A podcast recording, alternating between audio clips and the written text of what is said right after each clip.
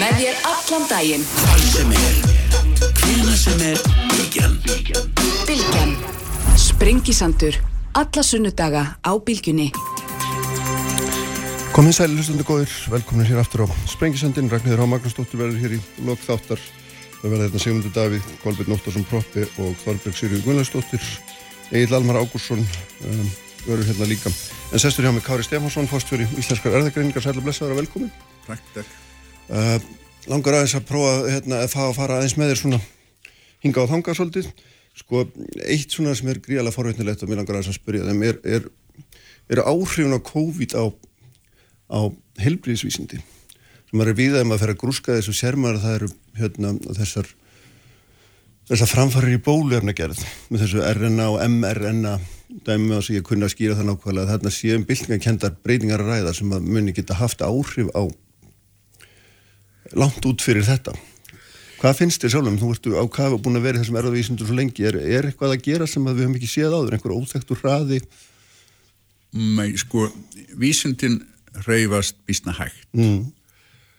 og sá hraði sem, sem að átti sér stað núna í, hefur átt sér stað núna í þessari, þessum faraldri í árætu sínar í svona 20-30 áratúi vinnu í, í uh, þeim vísundum sem fjalla um tjarnansýrur í erðavísundum og, og samadalífræði almennt.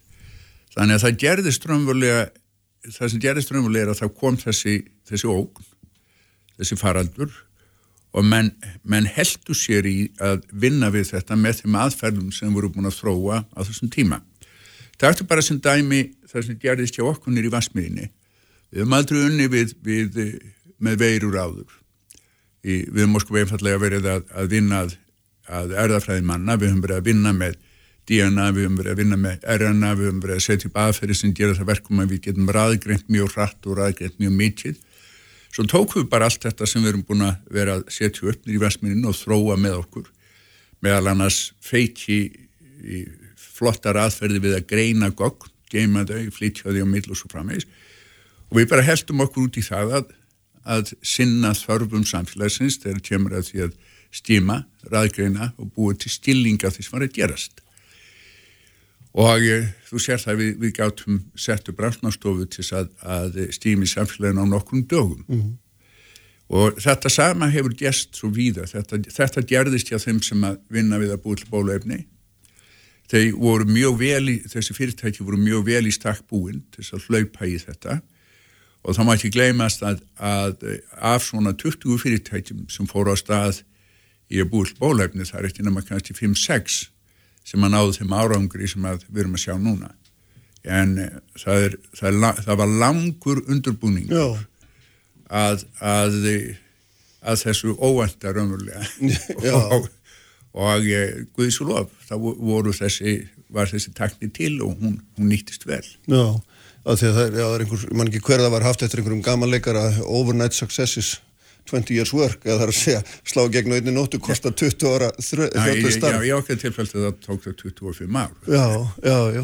En er þessi, þessi aðferð við að búa til bóluefni, þar að segja að láta þau einhvern veginn hérna ég geti maður ekki kalla þetta frumu forritun eða eitthvað slíkt, hvernig þetta RNA eða mRNA er að virka þetta er bísna hérna mikil breyting. Þetta, þetta, þetta er bísna cool, það er að segja að, að það, það vantar ekki en, en það, það er bara búið að nota samskonar eh, tekni svo við annar stað. Oh. Það er að segja að, að við allt líf á jörðinni á rætu sín er upplýsingum sem litja í, í DNA og síðan er, er upplýsingum úr DNA þeim því er verðt yfir í upplýsingar í RNA sem er síðan verðt yfir í próteini, það er tjúkitaefni og menn hafa verið að, að leika sér á öllum þessum ferlum hvernig DNA verður RNA, hvernig RNA verður prótein, próteinum og, og, og síðan setja það í alls konar samhengi. Í þessu tilfelli var það sett í samhengi við að búa til, búa til efni sem að lítist veirunni, sem er RNA veira, til þess að, að sína okkar ónæmistjærfi svo við getum búið til mótefni og frumubundið ónæmi gegn því.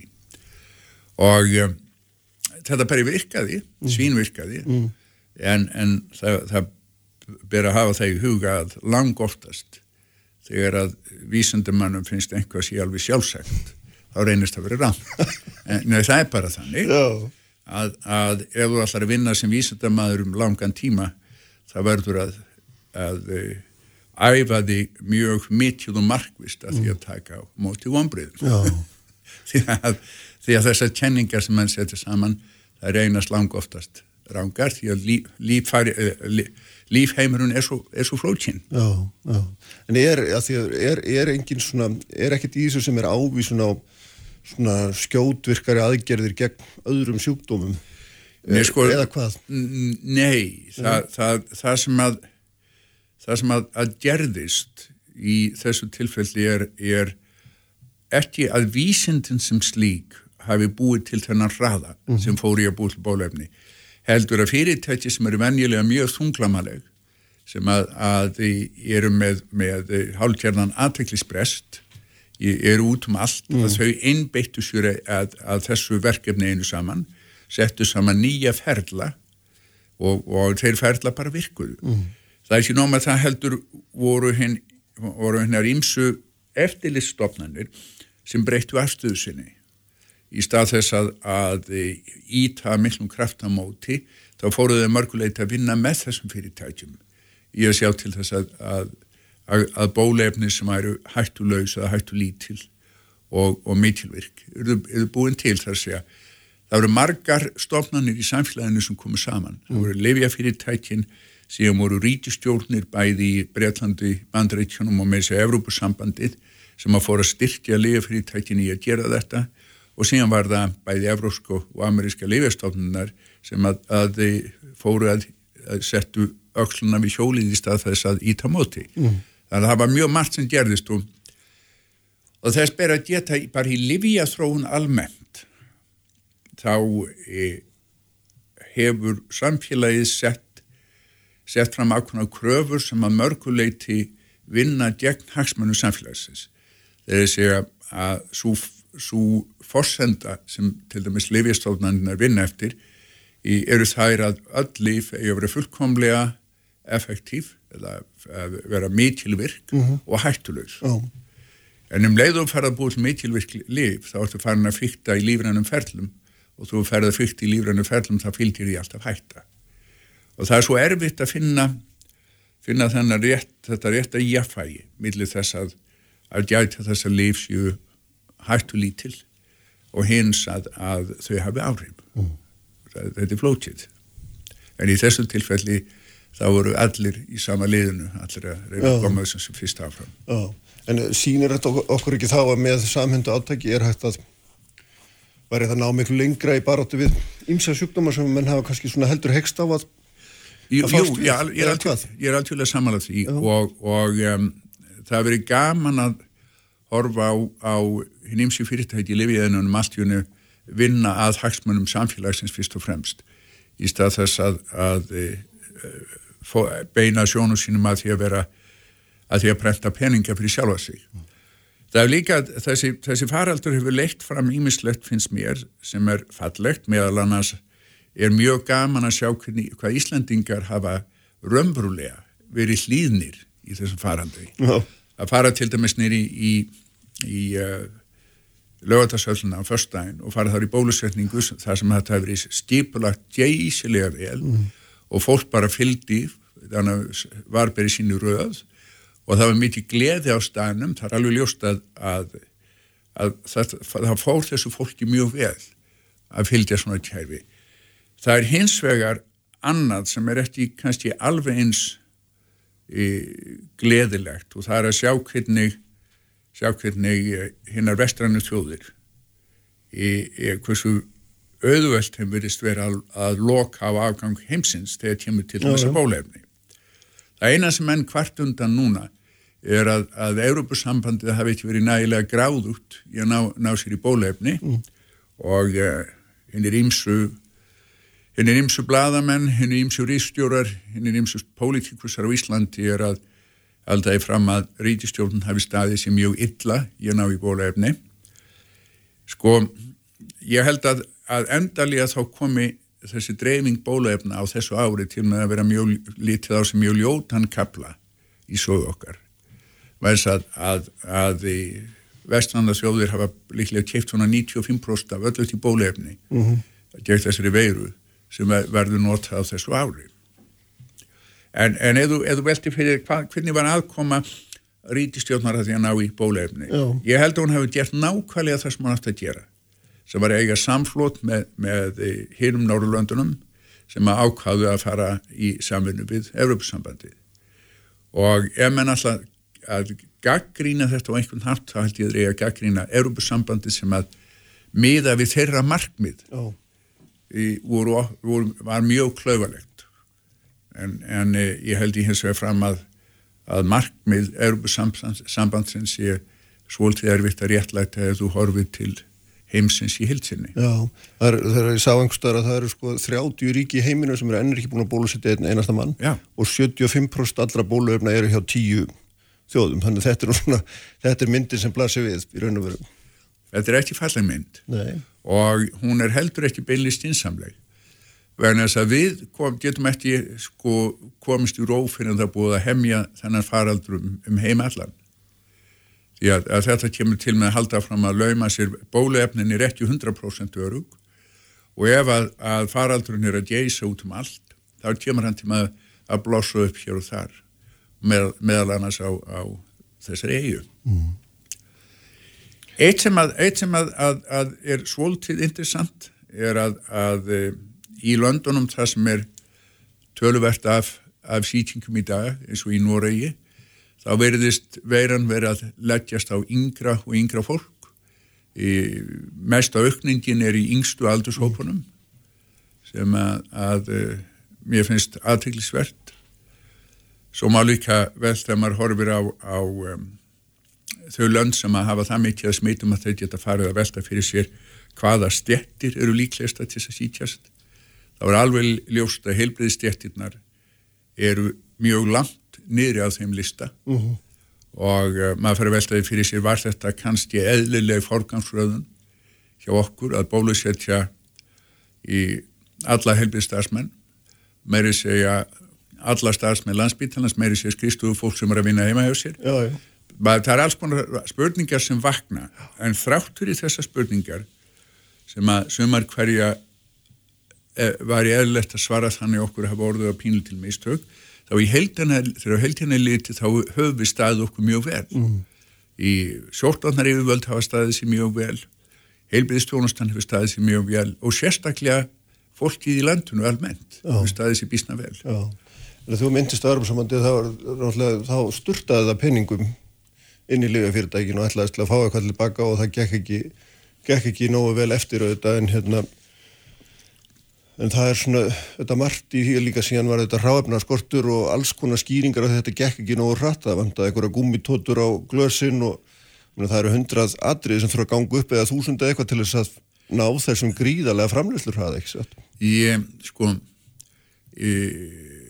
Evropasambandið setti peninga í lega fyrirtækið Breska ríðstjórnir setti peningi í lega fyrirtæki Bandræska stjórnir setti peningi í lega fyrirtæki til þess að hvetja þau áfram, til þess að styðja þau bæði fjárhagslega og, og um, veit það um líka móróskan stunning og um, ég held að ég held að, að sko, Europasambandið er flótinn stefna og, og um, eitt af því sem að verðist hafa gæst þar er að Europasambandið vildi gangu skuggum að það hefði eftir pantað meira frá einu fyrirtæki heldur en öðru? Það, vildi, það verðist hafa einhvers konar útbóðs hugsunaháttur mm. en þannig að gilt þar. Og það er ímislegt í, í aðli Európa-sambandsins ímislegt að, að þeim hlut hafi eðli Európa-sambandsins sem ég finnst heldur óaðlandi sem kom fram í því hvernig þeir handlaðu þetta og vann gegn hagsmunum þeirra sem að, að búa á þeim svæðum sem lúta Európa-samband mm. mm. Förum aðeins hérna heim, Nánaragnar, þú talaður á hann um að hérna í Nóri væri yngra fólk að síkjast og það er þetta sem við hefum séð núna á örnaförndum svona tveimur vikum hér sem er nýtt og það er að minnst fórstu var mér sagt að það væri bara einn tegund af þessum vírus í gangi í ögnumlíkin sem væri þessi breski og hver í grunninn er, af, af hverju er hann svona miklu skæðari og, og snegri að dreifa sér heldurinn? Var, hvað, hvað er á segðir? Nei, sko, það sem, það sem gerist í þessari veiru er, er að hún stökkbreytist og e, það bæ í, í fjórða hvort skipti sem hann flist frá einum einstakling til annars þá myndast ný stökkbreyting. Og e, þessi veiru er búin að dreifa sér svo víð og hún hefur haft þess að stökkbreytast alveg dýbulega mikið. Og það er eðlis svona veiru að stökkbreytast hannig að hún geti flust á milli fólks auðvaldar og það, það, það endar þannig að, að svo veira sem svo stökkbreyting sem leiður til veiru sem er flist auðvaldast á milli og hún blífur. Hún fer að, fer að ríkja í, í, um, í, í þeim sem að, þeim sem að sítjast það, það er hins vegar sko hvað það er nákvæmlega í þessari stökkbreytingu sem að, að veldur því hún flist svona miklu hraðar að milli, hún, hún flist ekki bara hraðar að milli, hún, henni verðist fjölga mm. hraðar. Til dæmis að, að við sjáum það hér á Íslandi að það tekur svona um byrja einn dag frá því að maður verður fyrir smiti og þannig hægt er að greina veiruna í, nefnkortjans í, á, á síðasta ári þá tók það svona 2-3 allt upp í 5 daga. Þannig að hún berst hraður á milli hún, fjölga sér örar en það má heldur ekki gleyma því að, að ef þú veldir fyrir þér hagsmunum innan jæðsilappa verunar í, og ef það eru hagsmunum verunar að vera sem víðast og koma sem víðast þá þjónar það hagsmunum verunar að, vera eins skadalítil eins og mögulegt er. Þannig að ef maður horfið til mjög langs tíma þá er líklegt að veran verði skaðminni og skaðminni en, en flytist hraður á milli. En, en en sko ég held að, að ef þú horfur á þetta, þessa tilneingu til þess að veran fari í yngri aldursflokka þá held ég að við verðum eh, sko, ég vonast þess að við séum búin að ráða niðurlum þessarar litlu bylgju. Já, Ég, það má vel vera sé óskýtja en, en við, slum, við slum vona það. Já, og, og ef, er, ef, er, ef, ef okkur hefur tekist að ráða niðurlugumennar þá er það eina sem við vorum að gera er að beina sjónum okkar enn meira landamærunum. Gangu skuggum að, að þessi veira leti ekki inn í landið okkur ómeðutum gæti þess að, að menn virði sótkvína því að það eru bísna margar sögur sem er heyrir á útlendingum sem kom hengað ég eru með pantað flug heim innan þryggja daga Já, já. og ég verið hér fimm dagar sótkví þannig að við verðum að, að finna einhverja leið og, og ein leið sem er náttúrulega daldi harkaleg er, er að stinga mannum í, inn í einhvers konar framtjölsi sem að, að hafa verið styrð upp að nýtt og köllu sóttvarnarhús. Og, og láta, láta það sýta þar og það er í sjálfum sér ekki óeðleg ekki miða við hversu hversu oft menn virðast vera að brjóta þessu sótkví en, en þá, þá það eina ég segi ef, ef, ef að þessi litla bylgja er búin þá er, er, er stóra verkefni fyrir sóttvarnaríföld er að, að hlúa að landamærunum og sótkvinni og svo framvegis. Ég finnst þér vera uh, eitthvað vit í þessum tillögum um að lita merkja svæði, þjóðir eða, eða skiptir þetta engum að lega bara allir að fara nei, inn nei, í ég, þess svo tillega er einhvers staðar millir þess að vera sko fárhanleg hlægileg og glæpsamleg. Það er, það er alveg gjössamlega út í hatt og ég, ég vil ekki að það áherslu að, að ég held að, að ríkistjórnin almennt hafi staðið sér opbóðslega vel í þessum farandri hún hefur farið að ráðum sóttarnar yfirvalda, hún hefur ekki verið að tróða sér fram og mér finnst að, mér finnst að lofsvert. Í, en þessi tillaga, ég veit ekki hvaðan hún kom. Hún kom ekki frá sóttarnar yfirvöldum. Ég held að hún hafi byggst bara á, á óskhyggju og ég er handvissum að, að hún verður aldrei það verður aldrei regla sem við förum eftir. Ég, ég hef enga trú að því að menn haldi þetta, þetta er svo heimskulegt. Þannig að þi- þitt mat væri að það bara allir sem koma þeir eiga bara að fara inn í, Já, og, og, inn í sótvarnarhús eða fangilsi eða hvað er maður að kalla það. Já, og bara sem dæmi um hvað þetta er flótið að það kom hingað fyrir stuttu síðan nokkur ítalir. Einn af þeim var, var einn af þeim var bólusettur. Í, þeir komið með PCR-vottorð upp að þeir verið neikvæðir þeir voru stímaður á landamærum þeir fóru í sótkví og eftir nokkar dag í sótkví var eitt þeirra lasin, hann var ekki bólusettur svo þeir voru stímaður og kom í ljós að sá að sá bólusetti hann var jákvæður Já, hann var ekki með mjög mikið veirumagn en hann var með nægilega mikið veirumagn þess að hann hefði getið verið smitandi. Og það leiðir aðtrykluna þessum, þessari spurningu hvað gera þessi bólefni. Þau geta gert annaða tvennu eða kortverkja. Þau geta minga líkunar á því að þú sítist eða þau geta minga líkunar á því að þú lasnist þegar þú sítist og svo geta þau gert kortverkja. Og það er alveg ljóst að þessu dæmi að það bóluefni sem að hefði verið notað á þennan mann, það kemur ekki algjörlega í vekk fyrir að menn geti smittast þó þeir verði ekki lasnir. Og svo hitt að ekkert af þessum bóluefnum er 100% örugt. En þetta raunverulega sýnir að það er mjög erfitt núna að, að láta bólusetningavottur duga. Þú ert að koma til landsins. Eftir dáltinn tíma, þegar, þegar eh, pestin er ekki svona útbreynd í þessum blöndum sem, sem, þessum fólk býr sem kemur hingað, það verður kannski hægt að láta bó, bólusetningavotturðið eitt duga. Mm. En akkurat núna, meðan, meðan uh, þessi faraldur rýður öftum í löndunum sem að þessum fólk býr, sem að oftast kemur hingað, þá held ég að það geti, geti svo sannarlega ekki nægt. Hvenar telur svona að þessar þjóður næstar okkur sem mestar koma hingað þessu nefnir verði búin að ná eða hversu góðum tökum þurfa þeir að vera búin að ná til þess að við getum farið sjálfað einhvern veginn að, að slappa svolítið af Ég, ég held að ég held að svona kannski þegar kemur fram í september ef, ef hlutir gang, ganga vel fyrir sig en ég held að það sé, sé óraunhæft að rekna með því að við getum, getum það í byrjun sumars mm. því meður Já. þetta er þetta, þetta hefur meiri sé að þú horfir á, á, á uh, minnst og kosti hinn vestrana heim þá hefur þetta mörguleiti gengið vel í einu, einu staðirnir þar sem að mér finnst sko halla á er í bandreitjunum vegna þess að, að með, með e, þessa, þessa ævintýrlega fjármagn með alla þessa teknológi með alla, alla þessi frábæru vísindi bestu háskóla heimsins sem voru ekki nýttir í þessar baráttu. Mér finnst það að vera mjög mýður það sama á við um Breitland að Brettar hafa feiti gott heilbyðstjörfi þeir hafa gífulega góða vísindamenn góða háskóla og svo frammeins en nýttu sér það ekki að, mér finnst það afturlegt mm. en ég held að, að, að ég held að mann hefur lært af þessu og ég rekna með því að þegar fram í sækir þá verði stíplögð einhvers konar aðferð til dæmis minnst húst í bandarækjanum til þess að, að nýta sér allt það kraftmiklu og góða sem þeir eiga í læknavístum ef svona kemur upp aftur. Mm.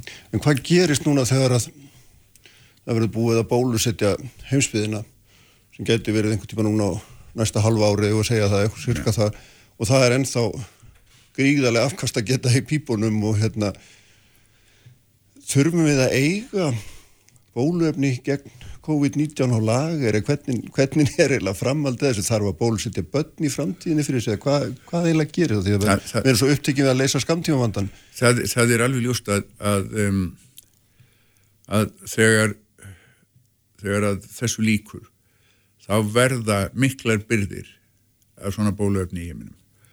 Því að uh, all flestar þjóðir hafa pantað miklu meira bóluefni heldur en það þurfa að nota. Ég held að að það sé mjög líklegt að alltjóða samfélagið búið til einhvers konar apparat til þess að bæði fylgjast með og bregðast við farsóttum af þessari gerð. Ég, ég trú ekki öðru en það verið gert. Mm. Vegna þess að þú þart, þú þart allsjólegt net til þess að fylgjast með þessu. Til þess að geta kæft, kæft svona faraldur í fæðingu. Og það er spennandi verkefni en það er gerlegt það er erfitt en djallegt mm. mm. Þannig að það, það, það, þessu líkur ekki þó að þessu ljúkin að gæslapa það er, er áframhaldandi einhvers konar varnar vinna í, inn í framtíðina Sko í okkar dýrategund hefur breytt um hegðun svo mikið á uh, síðustu áratúum menn ferðast heimsóknana milli í það mikið og það oft að það, það breytir, það breytir sko smitleiðum, það breytir smitlíkum mm. ef aukt kemur smitsjúkdómur og við verðum að bregðast við því núna með því að nota aðrar aðferðir sem, sem sko heimsbyðin verður að setja, setja fót einhvers konar apparat til að takast á við þetta apparat sem við hefum ekki haft hinga til mm. Mm, Nákvæmlega. En hérna heima þá er þetta svona eins og ég skildi rétt að þá er árum við að tala hér um bara okkur sjálfa vapum landi í sumar sko, að mestum hluta. Ég, ég sko við, eða veltið fyrir hvað gerum við mm.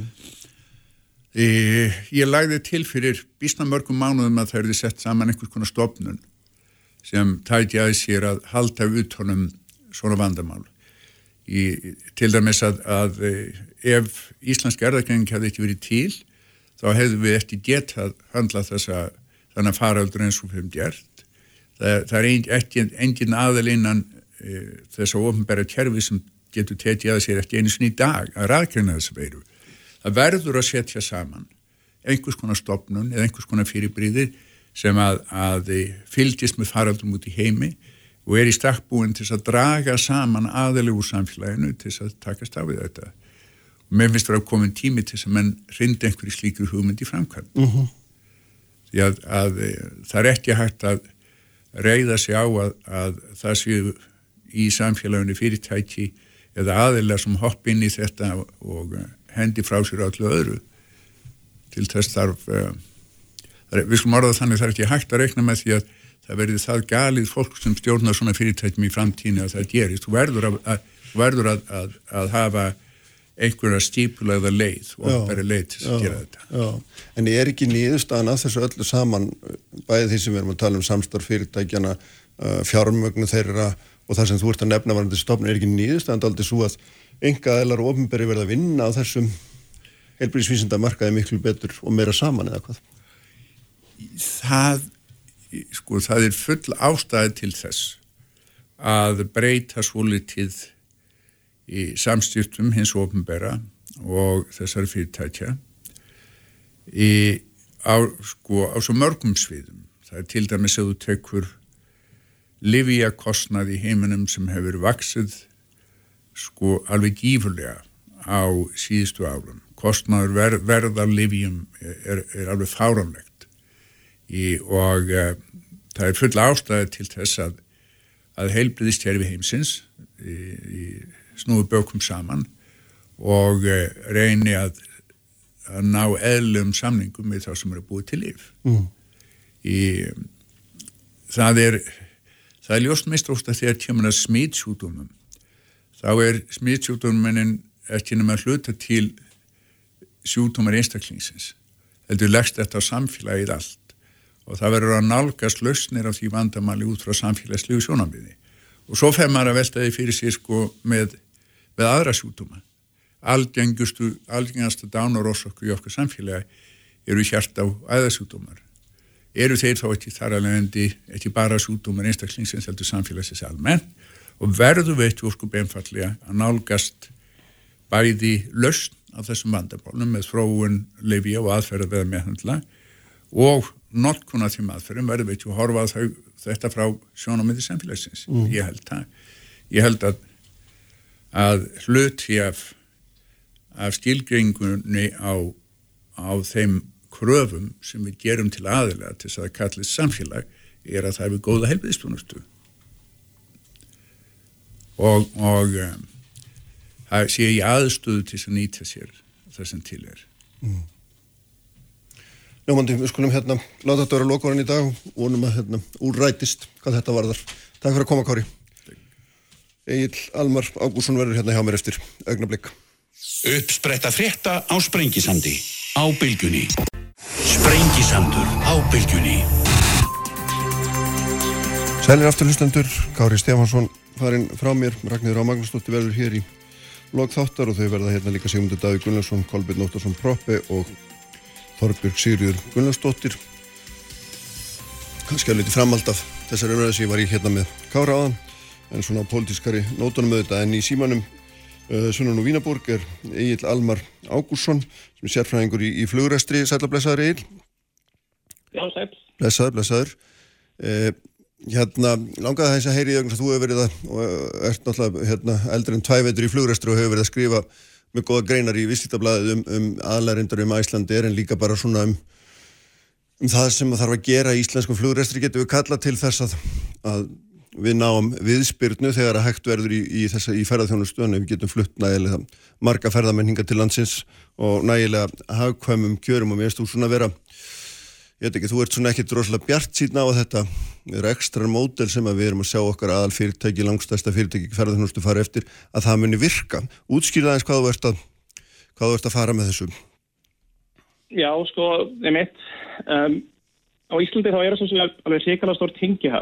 og það er í raun þess að meldingni íslenska flugfélagi er alltaf byggt á minnstu síðustu börga árs og það byggist á því að, að þeir, hérna, þeir geta leitað inn á markaði erlendis, markaði í bandaríkjunum borgir sem annars væri ekki eftir að fljúa inn á ef það væri ekki fyrir það að, að, hérna, að þeir ná í raun í 200 fartegum, tengifartega og ferðarmenn til Íslands.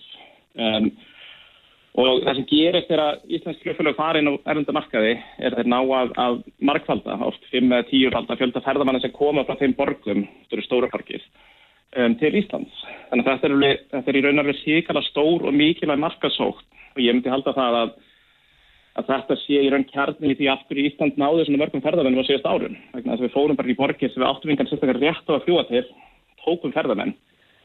En hinn hlutin af jöfnun er sá að þú getur aldrei fyrst vélina alveg að ferðum það er einfallega óranöft þannig að þú verður ekkert að kæft á alþjóðlega markaðum um það að taka ferðamenn frá til dæmis borgum í bandaríkjörum til borga, borga í Evrópu svo getur það tingið bara þegar.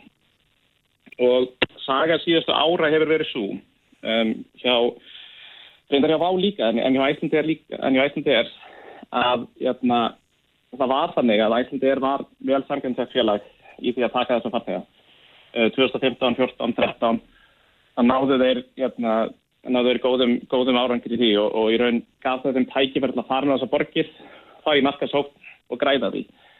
En saga síðust ára hefur verið svo að, að meðan að tekinar hafa verið til til að óbreytar um, platar það hefur kostnaður hækkað mjög um, um einhver 20% á, á eininga grundvöldi og það sem gerist þá er að allt í henni getur samkjöfnir framleitt sömu vör og þú nema læra verði. Mm -hmm. og, og, og það gerir hérna, þennan rosastóra struktúr sem verður til í keflavík hérna, ég sem tengi, tengi hérna, það gerir hann ósjálfbara.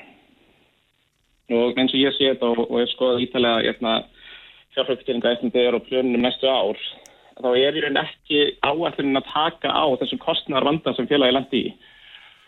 Og það getur þýtt það að þessi vél sem, þessi, hérna, þetta tækið sem fer erfendis og nær farþegur nær rosalega markastýft á, á, í borgum erfendis að, að hún í raun virkir vegna það virkar ekki að það getur ekki greitt að því og hérna já Hvað, í raun sko hvað, við tökum að já, fyrir já, við tökum til dæmi um Los Angeles og Vá. Vá fórum til Los Angeles með rosa hérna, mikið frambóð. Þeir fóru með hérna, breyþóttur sem tóku 350 manns, uh, daglegt flug oft og, og náðu kannski 15-90% vilni, þannig að náðu kannski 300 manns frá Los Angeles á dag og kannski 30-25%, 25-30% af þeim voru farþegar að koma til Íslands. Þannig að þeir náðu þannig markastíft að þeir náðu kannski 80-100 manns frá Los Angeles til Íslands sem hefðu aldrei ennlegs komið. En svo í raun gekk mótilið ekki upp. Það gekk ekki upp reyndar vegna þess að félagi bara hausinn. Og, hérna, og þá hvarf þetta sé markaðstýrt og það er það sem er svo hættild að það verður ekki með samkjöfnsæft umhverfi á Íslandi bara við samkjöfnum í útlandum að, að þú getur ekki haldið sér markaðstýrt ef þú getur ekki farið inn á þessar borgir og bara fyrtaði fólk og bara sagt, heyrðu, komdu til Ísland, það er frábært að vera á Íslandi. Og það er einfalt líka þegar þú ert að tala um að kostnæðin hafi hækkað svona mikið og það er náttúrulega það sem þetta hverfist allt saman um í samkjörni við önnur félög sem er að fljúa yfir allarshafi beinti eða með einhverju tengingu að þú voru að geta bóði hérna eða þú voru að geta haldi verðin á þeim stað þú getur sjálfur hagnast á því. Uh, hérna, hvað er það sem að kostar svona mikið á Íslandi? Ég meina er þetta bara staðsetningin sem er óhagstæð eða er þetta laun eða er þetta einhver annar kostnæður er Hvað, hvað af þessu er? Um, ég held að þetta sé samlanda þessu öllu en, en ég held að stærri myndin sé bara svo að jæna, hérna, að fókusin á það að þetta þyrfti að vera framar allra annar að breyta. Ég held að, ég held að, held að félagi hafi bara eins minnst tökkaði og maður sér það, held að nú skrifa þessi greinar fjárgreinar í veiskipabæðið og held að gamlega hann, hann hérna, Úlfar stjórnarframur, hann svaraði einni greinni, Já. er enda greinu vallum en hann svaraði með einni grein. Og það sagði hann einfallega, hann sagði að það væri ekki raunhægt fyrir Æslandir að hérna, geta kæft í verðum við stærri félög út í Evrópu. Og, og í raun hérna, hérna, sagði að það væri svolítið ósangjart sam, samburður um, en, en það það eiginlega gengur ekki upp vegna þess að Ímber bara ætti búð og hliðin á þér var í búð sem var að selja sömu vöru og þú en varan sem er hliðin á þér eða búðin sem er hliðin á þér eftir sagt, hún geti alltaf væri með 25% stærri kostnað eins og er raunin í samkvæmdani og gæti þá alltaf selt vörunar ódyrfi ef þetta er sama varan þá gætur þá gætur bara ekki komið upp með það komist upp með það að vera með herri kostnað hvort sem það er ósangjandi verki og, hérna, og svo talaði hann líka um það sem er áhugavert að að, að í raun Ísland, Ísland er að vera Íslandsfélag og það vil ekki, þau vil ekki senda hérna, störf til útlanda og svoleiðis en, en í raun held ég að það sé ekki það sem skiptir máli. Ísland er var samgefninseftin áður fyrr 2015 og 16 með sinn kostnað en svo hækkaði kostnaði. Mm. Jáfnframt það var vá líka samgefninseft í sinni kostnað eða minnstu voruð með læri kostnað og það byggðist alltaf því að vera með íslenska flugfröjur, flugþjóna, flugmenn um, og, og starfsum á Íslandi. Þannig að þetta er hægt og, og líka þau félög sem er í mestri samkeppinu æsland er eins og eru Lingus, þau lifa í hálunum löndum eins og Írlandi, þar sem launin eru heila við sjörum á Íslandi. Þannig að Þannig ég er ekki vissum að sé umhverfið á Íslandi sem gerir þetta, þetta verkum að, að þetta sé ekki hægt. Ég held að þetta sé bara það að þú verður að hafa mjög sterkast stefnu sem segir við getum ekki komist upp með það að við erum með herrið kostnaðin samkynnsælinn vegna þess að þá mun bara samkynnsælinn geta okkur. Og þú ert semst að raun og veru að segja mér það að þú telur að þeir sem að stýra þessu gríðalega mikilvæga fyrirtæki, þeir eru ekki með fókusun á réttum stað. Það er semst þín skoðunir ekki. Það er svo, svolítið það sem ég skrifaði. Nákvæmlega, en ég meina, Það er svolítið gróft að segja það en, en ég, það er svolítið það sem ég skrifaði. já, og, og hérna, ég meina, þú ert náttúrulega að senda þeim hérna pillu bæði stjórn, stjórnendunum og stjórnarmönnunum út, út af þessu, en ég meina, hva, hvaða, þú, þú segir að það sé Já, hægt. en ég held að það sé alveg hrikalega mikilvægt. Já, Ég held að já. það sé alveg hrikalega mikilvægt vegna að hjá öllum samkjöndsalum út í heimi þá eru á stærri markaðum þá eru greinendur fleiri þeir eru með dýpri þekkingu og þeir mynd aldrei efna, í raun leifa stjórnum að komast upp með neitt án þess að, án þess að koma með kritik á það og ég held að það vantur svolítið á Íslandi að, að þeir sem hafi djúpa þekkingu á flugræstri þeir eru allir innan flugfélagana Mm. þannig að þegar að jöfna, þannig að kemur ekki mjög veginn utan að frá jöfna, ábending.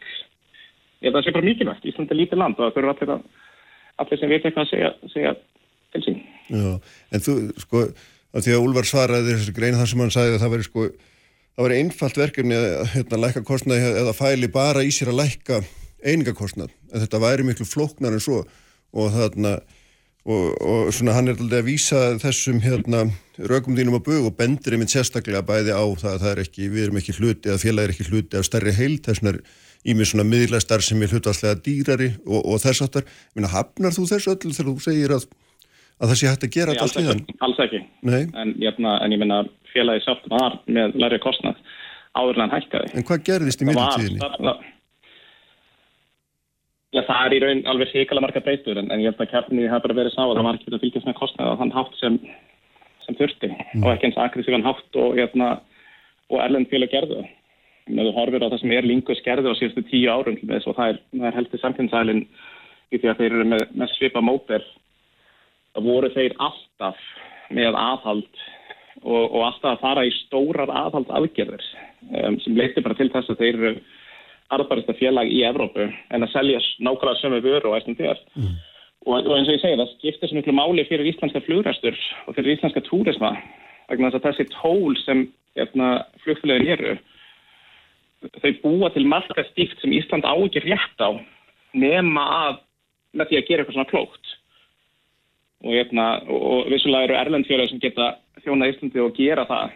En ég myndi segja að þau fylgir svolítið þegar það er búið að búa til markastöðuna, búið að búa til markastíftuna og, og það er endar er gert með því að það er frikalega gott fólk sem gerir það um, þá kom erlendu félagin en ég held að það sé ekki öfugt.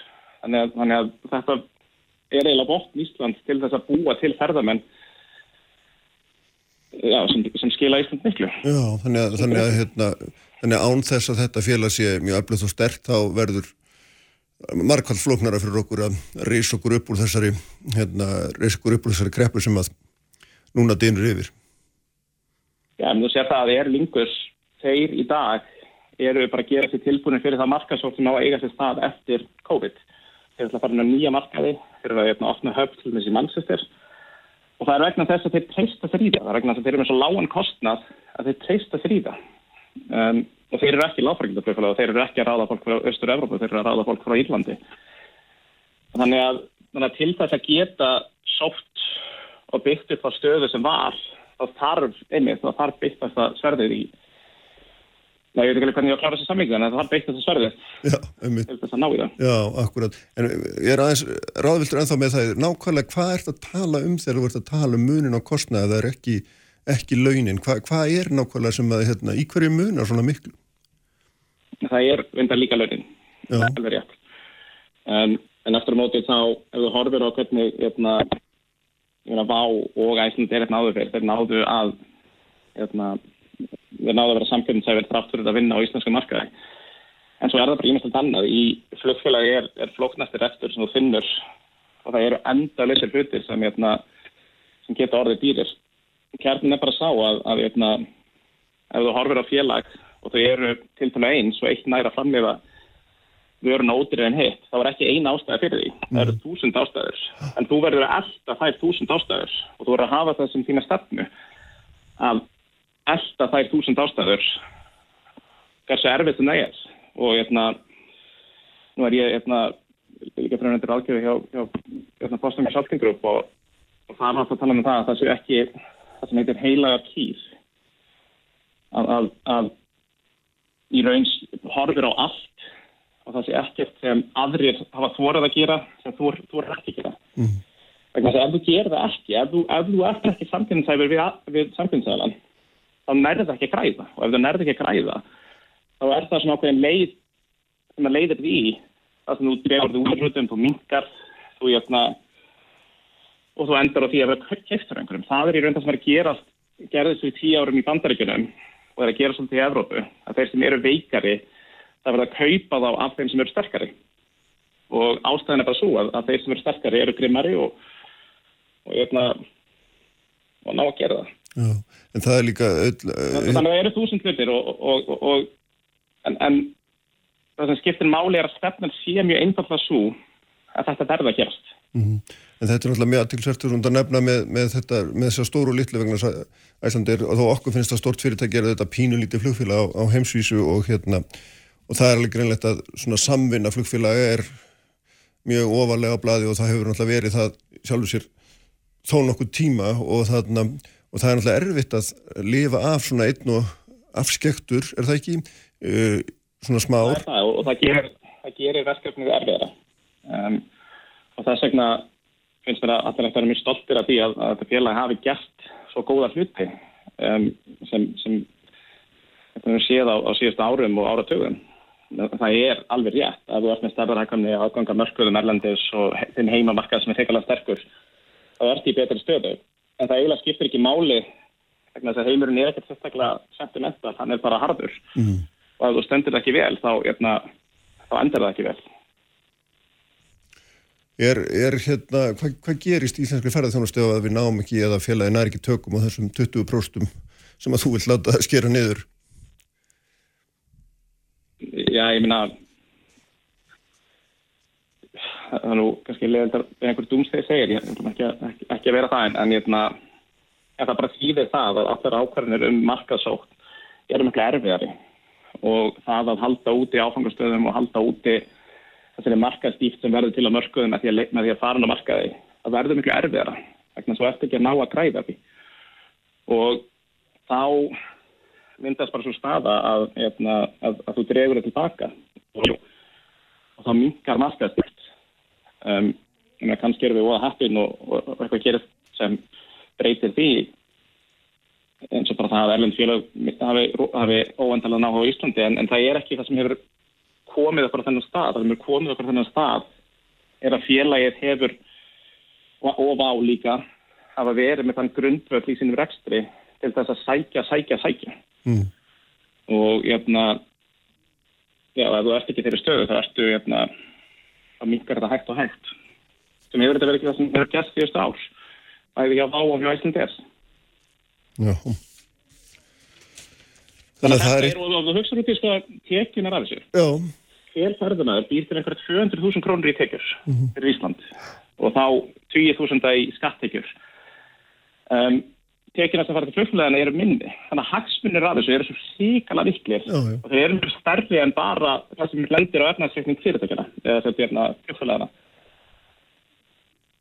já, þetta er náttúrulega... Er, meina, ein- eins og ég segi, þessi eina vél frá Los Angeles sem ég myndist á áðan, sem kom daglega, hún skapaði 20 miljónir í gælduristekjur á dag út frá ferðamönnum og það þýðir það þýðir 20 störf á dag í efna tekjur. já. Og þetta getum við ekki endur tekið nema því aðeins að þínum að, að, hérna, að breyta kostnar Já, Gerðinni. ég vil ekki, er alltaf erfitt að alls er ég fyrir það en, en, raunin er svo að, að þetta byggðist á því að félagin voru samfélum sem við alla út í heimi og til þess að endurbyggja þetta verði að byggjast á sama grundöfli getur ekki, getur ekki glemt einum að kjarna atriðanum í því sem kom þér á þann stað sem þú ert eða næstu var fyrir COVID nákvæmlega. Þetta verður hérna, forvill að sjá hvernig þetta þróast allt saman. Takk fyrir þetta hérna, að vera með okkur Egil. ekki málið, það var að spila á því Já, takk sem leiðis. Þau verða hér hjá mér næst þau Þorbjörg Sigurður Gunnarsdóttir, Kolbjörn Óttarsson Proppi og Sigmundur Daði Gunnlaugsson. Sprengisandur Á bylgjunni Kraftmikil umræða, alla sunnudasmórna. Sprengisandur á bylgjunni.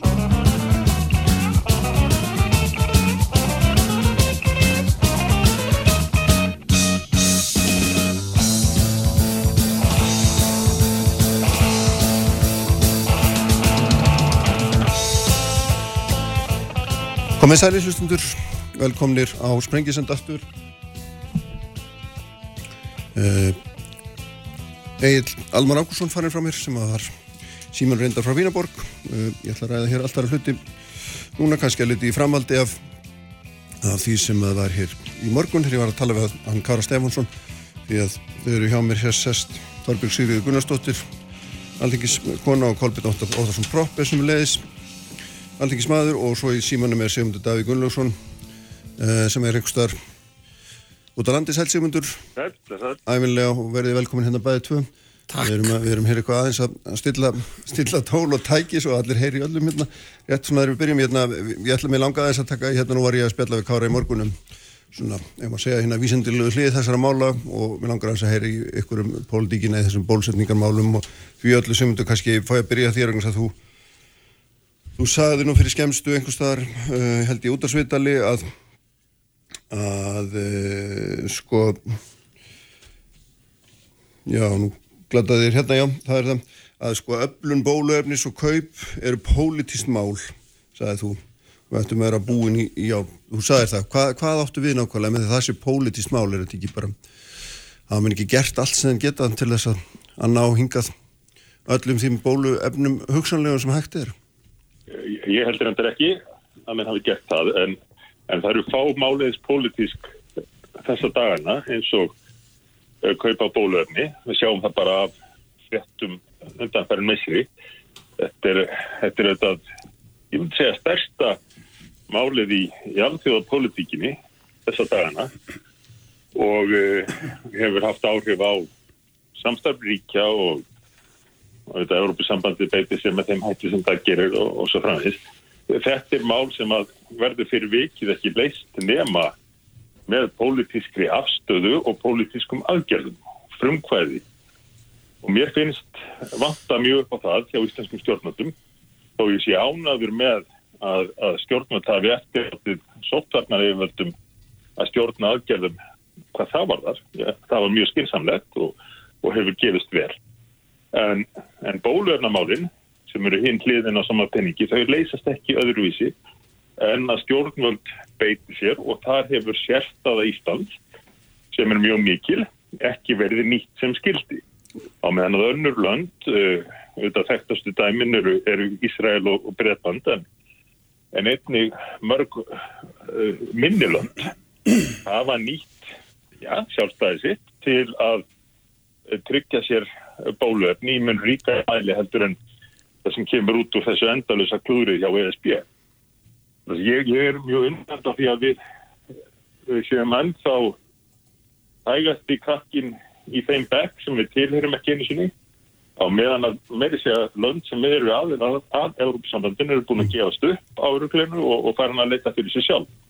Vel Þískaland en einnig til dæmis Danmörk og Östuríki sem eru komin í samstarfið í Ísrael og, og, og þetta er að mínum að því uh, stórkostlega uh, mikið og stórt glatað tækifæri mm -hmm. að við séum ekki að gera meira í þessu. Nákvæmlega, við skulum hérna Kolbjörn, þetta var nú eitt og annað til þess að bregðast við. Já, heldur betur. Ég veit ekki alveg, uh, það er ekki alltaf sem ég átt að í hvað, hvert sigmundur er að fara og í hvaða heima býr einhvern veginn, þetta fer alltaf út í einhvers konar húttug, hér er það sjálfstæði og örbursambandi. Mér finnst það alltaf að vera að ræða um eitthvað annað en við erum að ræða um. Sko. Um, Ísland, landa okkar stærðagráðu, sko, hann verður að vera með það algjörlega hreinu að önnur leið hefði verið betur en svo sem við erum að fara. Hann veit ekkert um það, ekki neitt, sko. Þetta er bara einhver ódýr leið til að koma einhverjum uh, mjög misæfnum skotum á stöðu sem er bísna fín. Það er ekkert mörglönd í heiminum búin að bólusetja fleiri og stærri hundrasluta en Ísland. Þau eru vissulega, Norgi, ég man ekki hvar eru við, 15, 16, 17 mm -hmm. á heiminum sko. Þetta er nú bísna á, ágættis árangur fyrir ekki starra land, er það ekki. Um, ekki ættum að sína meira frumkvæði, ég veit ekki betur um við höfum verið verið við Pfizerum að verða hérna eitthvað eitthvað hérna tilröðina dæmiðum að við erum bara öll bólusett, er það ekki frumkvæðið fram hjá öfbúrsamötunni? Var ekki fórsettisáðara og heilbríðisáðara að tala um það bara á förstu daginn? Við vorum að ræða við rúsa um spútning. Sko, svona er þetta að fara í gegnum allt sem Sigmundur segir og segja bara þetta er þér. Mm. Forsundurinn sem þú geður hér eru rángar og ég, mér finnst þetta mjög mikið ábyrðaratriði að láta andu Sigmundar á alþjóðsamstærfum eins og öfbúrsamötunni og upphafningu hans á uh, einhverju glæstu sjálfstæði Íslands sem öll pólitík miðflokksins gengur út á einhverju uh, blandast inn í svona grav alveglegt mál eins og bólusetningamál starrendin er svo að uh, ég held að ég fær rétt með að í að það er 18. desember fyrsta umræðan um bólusetningamál inn í þinginu. Þar segir Helbriðishaðra já, við ætlum að gera þetta á öðrum ársvöningi þá verður þetta komið svona þorrið þjóðarinnar. Mm síðan eru uppfær bólusetningar dagatöl, dag, dag, nei, hérna, um leið og það gerist mánuð eftir mánuð, viku til viku. Við erum á þessum stað núna. Þau hafa, hafa aðeins dreyið úr stundum uh, stundum bæst við núna erum við á þeim stað að við erum uh, uppfærslan á förstaðin sínir að við erum á betri staðin við byggust við. Og hver er ástæðan fyrir þessum? Að við þurfum að hreyfa þetta? Það er ekkit Ísland eða það er ekkit eins og við séum eiland í heiminum þó við séum eiga það eru öll lönd í heiminum að breyta sínum áallunum vegna ímins að hluta sem koma upp bæði í framleiðslu bóluöfnis, uh, í mat, í vísindamanna bóluöfni og í viðskiptum á milli landa um bóluöfni. Mm -hmm. Og láti eins og við, ef að bara við hefum nú verið nógu stoltir Íslandingar á móti hérna vonda Európusambandinu, þá varum við búin að þessu. Þetta er náttúrulega bara bull umræð og ekki bóðleg. Mm -hmm. Þorbjörg, svara segundur þessum. Já, ég menna, ég er auðvitað sammála sigmundi hvað það var að það er að bólusenda bólöfnin og bólusetningar eru auðvitað fórsöndu þess að samfélagi náðu vopnum sínum að nýju og þetta er auðvitað stærsta bara hagsmunamál okkar tíma e, í heiminum öllum. E, en ég myndi líka vera sammála kolbunni hvað það var að það gleimist, finnst mér í þessari nálgun miðflokksins að við erum lítil þjóð að leita eftir eftirsóttustu vöru í heimi mm -hmm. og sennilega bara sögunar um, sko hvað stjórnveld var þar þá myndi ég kannski tala um væntingar þetta sé kannski spurningum upplýsingagjöf uh, við fengum að heyra það í lóks síðasta ás að þetta færi svona af stað uh, í byrjun ás og, og orðin hafa verið opinn og óljós og það er kannski óþægilegt já, já. Þegar uh, eftirvæntingin og óþreyjan er orðin svona mikil Köflum erum, var talað um að taka eina vík og klára Ísland. já, já, og þú Ef við fengjum Já, bólu. sjálfsög, ég átta á því. En En, meina, það, veist- sá fyrirvari var ekki gerður. Jú, jú, hann var alltaf gerður. almenningur er þreyttur og fyrirtækin mörg er að þóra, þóla ævintýrilega þunguhögg þannig að maður skilur það mjög vel en, uh, en síðan er þetta bara samt eftir sem áður þannig að við erum að njóta góðs að því að vera í samstarfi með öðrum ríkjum með Evrópu sem mm. gatt veðjað á marga hesta í einu gert samninga við mörg livjafyrirtæki mm -hmm. án þess að það lægi fyrir hvaða livjafyrirtæki En þú, við getum ekki fyrst. lokað augunum fyrir þeirri innri óanæði sem er þar með hvernig þetta hefur gengið allt saman. Sannarlega ekki, en ég myndi þá kannski segja svo óanægi er ekki bundin við Ísland og það held ég hafi líka með það að gera við viljum bara öll að þessum kapla ljúki og ljúki sem fyrst Þannig að væntingarnir eru orðinhafur eða hvað. Já, ég menna ég held að stjórnvöld hefði geta verið skýrari í blábyrjunum um að þetta væri kannski spurning um þetta árið líka. Uh, við, margir voru farin að sjá fyrir sér ferðalega til útlanda í sumar og, og svo framvegis. En þegar ég verið að tala um að hvert ættu við að leita annað?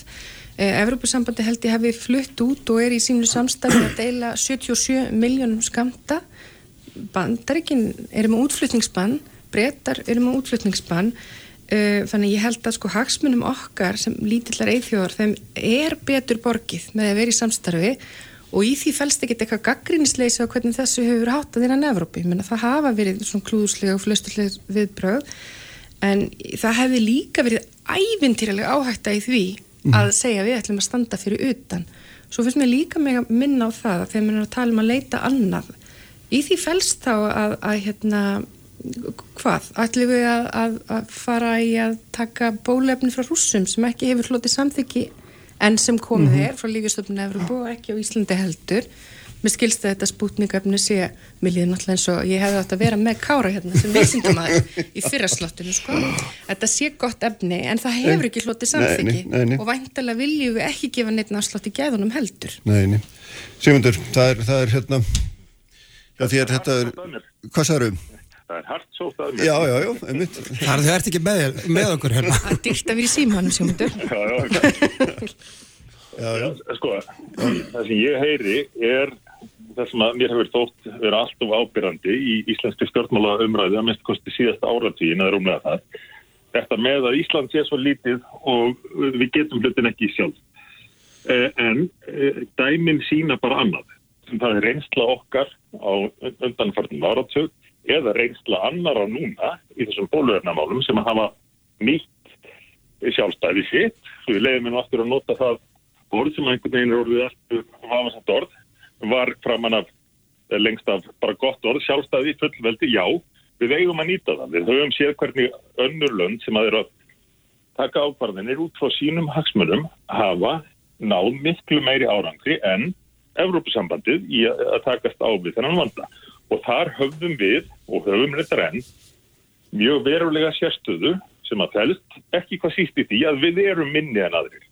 Við erum með afmarkaða litla þjóð sem hægt var að bólusetja á viku og búa til gott fordæmi ekki bara fyrir fyrirtæki sem að semdi við okkur heldur líka fyrir alla hýna að sína þetta sé hægt. Sé Þetta hægt var Sigmundur, samfélag. þetta, þetta var náttúrulega reynd.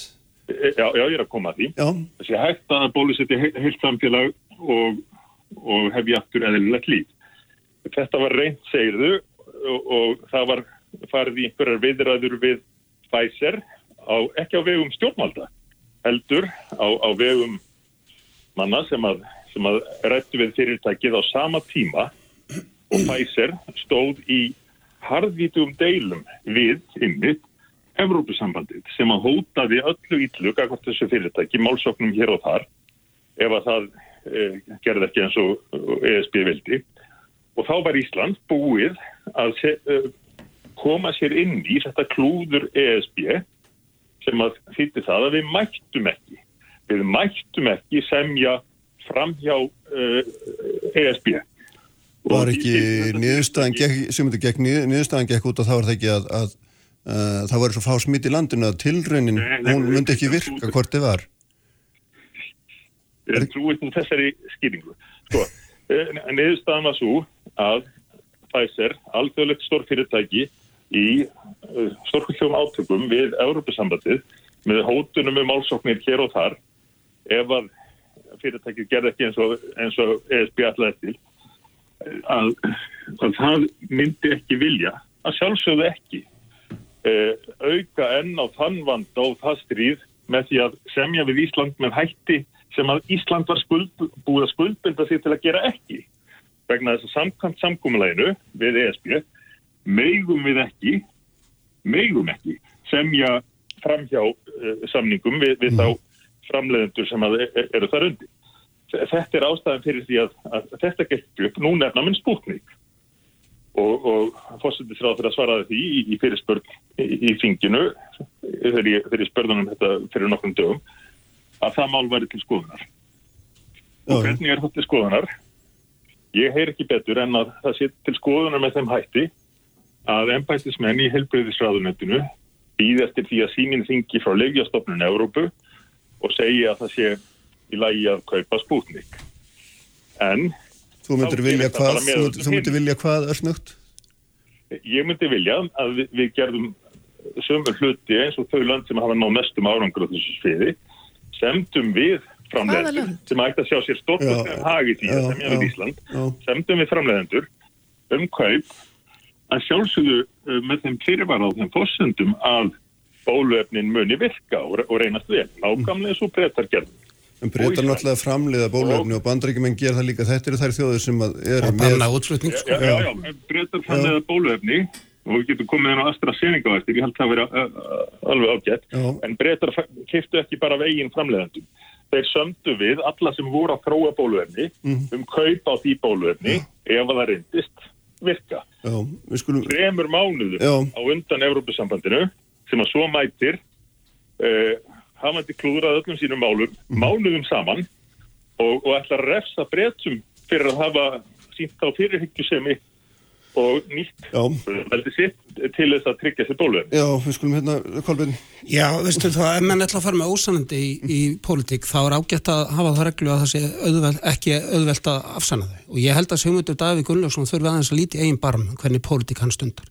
Hérna fullerir hann að viðraði við Pfizer hafi ekki verið á uh, hérna vegum stjórnvalda. Það er lígi. Kári Stefánsson sjálfur, sem hann er vantilega að vísa til að hann hafi séð þar, nefndi það að Þórólu Gunnarsson hefði uh, 15. desember verið viðræðum við Pfizer, áður en Kári fyrir fram í íslenska fjölmjöla. Katrín Jakobsdóttir, Katrín Jakobsdóttir, Katrín Jakobsdóttir, ef ég fæ að þú sýnir mér sömu virðingu og ég þér segmundur að leiða mér að klára, ef þú sýnir mér sömu virðingu og ég þér að leiða mér að klára, um, Katrín Jakobsdóttir rætti líka við Pfizer. Það var ákveðið að það væri skynsalegast að það væru þessi tveir aðila sem það gerðu svo saman og Kári sendi nú sérstaklega yfirlýsingu um að hann og Þórólu veru saman í þessu, sæjum þessa viðræður. Það er ákveðinu stjórnvalda sem áður hefðu verið í viðræðum við Pfizer. Um, hér er svo talað eins og það hefði verið uh, samlingur um Evrópusambandi sem að hérna, ónýtti það. Nei, það var góðar, eh, hérna, uh, gott ástand í sóttvarnar aðgerðum hér. Uh, og svo hvað var þar spútning og uh, viðræður þar sem að Sigmundur Davíð tala núna um eins og snúist um að við býðum við síman eftir, eftir hérna símtalið frá Leifastofnun Evrópu. Er hann ekki að lesa fréttir? Nef, eina sem hann vitna til er orð sem hann sjálfur á við Katrínu. Það var í fréttum bara fyrir tveimur dögum það væru hafnar, þreyfingar við rússa, viðræður væru hafnar, sjálfsögðu væri þar alltaf háðar því sem kæmi uh, hérna leifi frá Leifastofnun að því eins og Þorbjörg segir við ætlum að ekki að gefa neitt afslátt af gæðum. Þetta eru þetta er staðarendir. viðræður sem byggja á því að Ísl, Lífisafn Íslands hérna, viðkenni lifið. Og við erum að beita því að við höfum verið í takti við Lífastofnun Evrópu. Þetta eru bara fréttir fyrir tveimur dögum, þannig að að að stofnum þarf að samþykja þetta. eins og allt sem við höfum verið að, að, að hérna, við höfum verið í takti við það. Eh, Eðlilega segi ég nú bara, með jafn, uh, viðkvæman hlut og En er það ekki bara rétt bóluefni. hjá Sigmundi að, að menn býði eftir því? Sjálfsögðu býða menn eftir því að leiði komi en það er mjög ramt hjá Sigmundi að viðræðurna uh, fal, felist engöngu í því að setja við síman eins og hann teknar þetta upp. Við erum í beinum viðræðum það er punkturinn. Og leið og leiði kemur þá er það. Undirbúa það, menn man þetta bara að fylgjast með fréttum síðustu dag að hún er fara að bylla eitthvað í útarpi En kemur, en þú getur ekki gert neitt á meðan þú býður eftir leifin ef það er það sem ræður sjálfsögðu getur það gert ímislegt Nei, ég meina þú getur ekki tekið inn efnið á yfir, þú verður að Nei, býða eftir þú leifin. til? Þú getur hafið er er, já, ég er ekki að halda því frá það ekki. Nei, en það er, já, hann sagði hér áðan, við skulum bara hlusta á það saman og eftir, fyrst þú ert að hérna, fara svona með orðansefna, að viðræðna félist engöngu í því að heilbriðisráðandi seti við síman. Það er rámt Okay. og það er ekki að fara að fægra það neitt Nei. og við skulum í jafn, viðkomum málu og þetta er fara rétt með staðrendur. Sko, þetta eldsnöggur, áhugaverð tíðindi sem að Kolbeinn var að flytja okkur hérna ef að hann hefði sjálfur lesið frétturnar um, um þessi mál nema hann sé að bætingur við sem hefur ekki komið fram vegna þess að þegar spurt var um þessari viðræður eða, eða sagt frá viðræðum við rússa uh, hvað, hvað komi ljós í megin texta frétta um það? Það er ekki beinar viðræður íslenska stjórnvalda við rúsnesk stjórnvald Nei, það eru viðræður um það að Ísland hugsanlega fái smá stjerf af spútniki ef að það kemur í gegnum livjastofnun Európusambandsins. Að, að, þetta breytir engu um það sem ég er búin að vera að segja, er rauninni bara staðistir það, þetta, þetta spútnikmál, að, við erum bara hanga aftan í ESB og býða eftir því að hugsanlega mjalli það einhverjum til okkar af bólöfni þessu eða hinnu í stað þess að nýta þá stöðu sem við höfum til þess að semja sjálf. Sko hleypa Þorbjörg að bólusetja alla þjóðina. Já, Bara fyrir ekki þið, fréttur í tveimu dögum, Já. þreyfingar eru hafnar í tengslu við kaup og bóluöfni annar staða frá, óháð samstarfinu við Evrópusambandsríkin í því skýna að flýta bólusetning. að þetta er þetta aldrei samþýtt Já. nema vegna þess að nema fyrir með leiði lægi fyrir Hleypa Þorbjörg, við erum að kurtisir, já, Já. hvað segir fyrir ekki? Nei, ég segi þá, í sömu frétt kemur auðvitað líka fram sem mér finnst augljósi sannindi í þessu og ætti að vera að það er ekki verið að taka inn lif hérna fyrir en að samþykki er komið frá þar til bærum stopnunum, lifjastofnunum en minna, stjórnvöldum ber auðvitað í þessari stuð að gera allt sem í þeirra valdi stendur til að tryggja að uh, bólefni, aðgengja bólefni hér sé gott. Þetta er stærsta hagsmulamál okkar. En að því að Sigmundur er að tala um það að við séum stiltasti krakkin í bekknum í þessari Evrópulest, þá er það auðvitað þannig að við erum ekki í bekknum. Og hérna, eh, mér finnst það með ég alveg Ég horfa mitt. Já, eh, en mér finnst það með að horfa líka úr þenn, þeirri áttinni að staðan í Evrópu, ef, sko- ef heimurinn allur er undir, er nokkuð góð og það er auðvitað annað samtal líka sko að hérna, við getum náð uh, einhverjum árangri en að meðan að megni á heiminum er eftir þá eru við í sömu stöðu varandi landamæri og annað um, miðskipting bólefnar þetta er mjög alvarlega heiminum öllum. En það sem ég langaði til að segja varandi þetta Evrópihjál hans að þá er það samt þannig að staðin í mörgum Evrópuríkjum er þannig að þarna hafa borgar búið við útgöngubann. Mjög harðar aðgerðir sem að hafa haft þung áhrif á allt daglegt líf fólks í, þess, í mörgum þessara landa uh, högg á efnahægin og svona sem við þekkjum auðvitað líka en mun harðari sótturnar aðgerðin hér engu að síður er það ætlun að standa við gerða samninga og Ísland setur á nákvæmlega sama stað og ennur Evroparíki. Ég held að við sem búin að bólusitja í kringum 11% landsmanna og við erum að ná til þess hóps sem er viðkvamastur fyrir. Við erum ekki á verri stað en önnur Evroparíki uh, frekar á fremur góðum stað það held ég að sé vegna þess að við erum í þessu samfloti og aftur í því fælst ekki einhver, einhver gaggrínislega sín á, á á þá hvernig að Evrópusambandi hefur hagað sér eða hefur- unnið þetta, þar eru gallar. En ég, mér finnst fullkomlega óraunhæft að líta þannig á málið að Ísland Ísland væri sko lítið ríki þú við værum 10 miljónum mm en hérna, og það hefur ekkert með þetta sjálfstæðisraus að gera en þetta er eftirsáttast að vara í heiminum En og í sögunni, ert þú, hvernig já, þú ert alveg fullvis um það að það allt hafi verið gert á þessum tíma. Nei, sem ég hægt- get ekki verið fullviss um það vegna sem mér fyrir stjórnvöld ekki hafa upplýst okkur nægilega vel um það hvað þau eru að gera, Mhm. hvað fælst í þessum samskiptum við rússana, hvenar fóru þau að stað, hvers er að vænta? Þannig að það finnst mér vera spurning um væntingastjórnuna en ég ætla, ég ætla ekki að halda því fram. En þegar við horfum á sko, árangur Íslands þá held ég þurfu líka að horfa á árangur í samhengi við samaburði við aðra þjóðir Bretar og bandarækjumenn eru sjálfur að framleiða efni. Við höfum ekki burðið til þess. Þeir hafa jafnfram komið sér upp þeirri stefnu að þeir flyti ekki út efni. Hvaðan ætlum við að sækja þá efnið? Af því að sem stendur þá er þetta bara nokkri framleiðendur sem eru með e, samþygt efni. Við býðum eftir að fá samþykju á öðrum. Möguleg, mögulega er hérna, samningur við rússana handan við hornin. Mér þetta er mjög eðlilegt, æskilegt og eiginlega nöðsynlegt að fósitsræður að upplýsi um það hvort þetta sé meir en ekkert samtal, um, hvort að það sé einhver sem vænta í, í því samengi. Veistu eitthvað um það, Kolbjörn? hvort þetta Ég meira er en bara eitthvað að samtal vitna hér í fréttur og það er bara búið að segja hérna þreyfingar séu hafnar og við, ég meina, mér finnst við, ég er bara úsamálað því að, að, að það vant eitthvað upp á upplýsingar. Það er fátt sem að hefur verið uppfært jafn oft og bólusetninga dagatalið. Í hvert einasta skipti sem eitthvað gerist, töf á einhverju, þá er það upplýst. Það er sagt frá öllu sem við erum að gera og mér finnst kannski skort á að við séum að horfa á hver staðan er, horfa á bólusetninga dagatalið, því mér hefur fundist umræða núna undanfærið láta eins og hér sé allt í volli varandi bólusetningar og ekki takti við það sem við höfum sagt, að meðan staðnind er svo eins og við komum náðan og við erum að nákvæmlega á þeim stað sem við sögðum í desember að við myndum verða og nýjustu fréttinar uppfært bólusetninga dagatal á förstu dag gerir ráð um fyrir því að við fáum uh, í, nei, það er alltaf verið talað um helbrís að það að talað um að þorri þjóðarinnar skildi, er þið bólusettur á öðrum ársjónungi. Það er það sem við höfum talað um og mér finnst við bísna gleimin ef við tölum eins og við hefum átti hérna að talað um í blábyrjun, hefum við átti að vera með öðru sem vendingastjórnun. Ríkistjórnun var skömmuð fyrir það í, þegar sko faraldurinn skellur á. Hún er skömmuð fyrir það að kom ekki með nógu stóran pakka sem að leisti öll vandamál.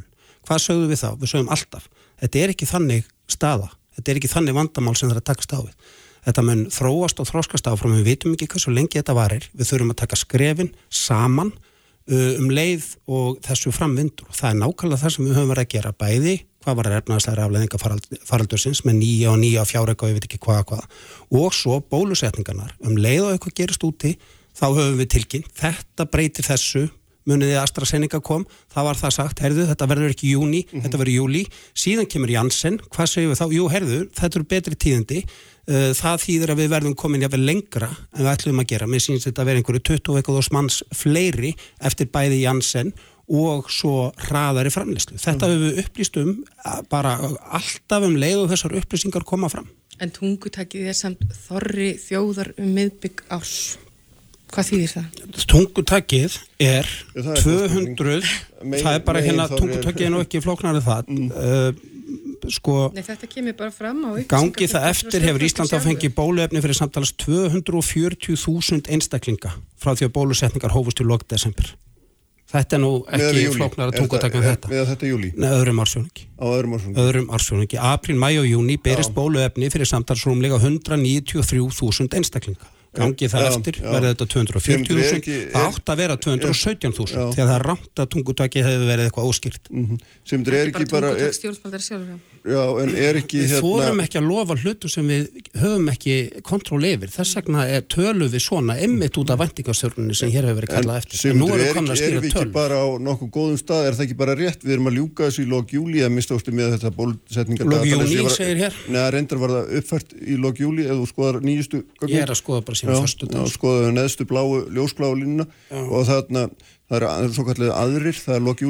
en það skiptir ekki alveg öllum máli en er þetta ekki hérna, er þetta ekki hérna sem myndur bara mjög góður árangur með allt og allt?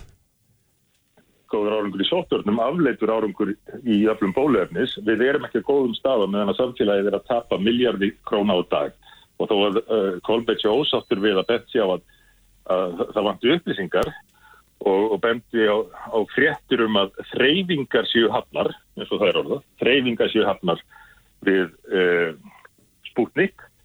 Uh, ef maður skoðar þessa hluti betur þá sjáum við að þetta snýst í rauninni bara um það að býða og sjá hvort að við fáum okkar skerf af því bólöfni eins og öðrum þegar Európa-sambandið er búið að guttera það og samþykja að, að mjalla því til okkar. Þetta er það maður gerast með Jensen og talandu um upplýsinga óreiðu og óvissu. Það er bara stíðind að því núna í vikunni að það kemur miklu færri skattar af, af Jensen en búistar við. Íslandi er enda búið að köpa 235.000 skatta af Jensen. En við fáum það ekki nema í því magni sem að Evrópusambandið mjallar til okkar af því að við sömdum í gegnum það.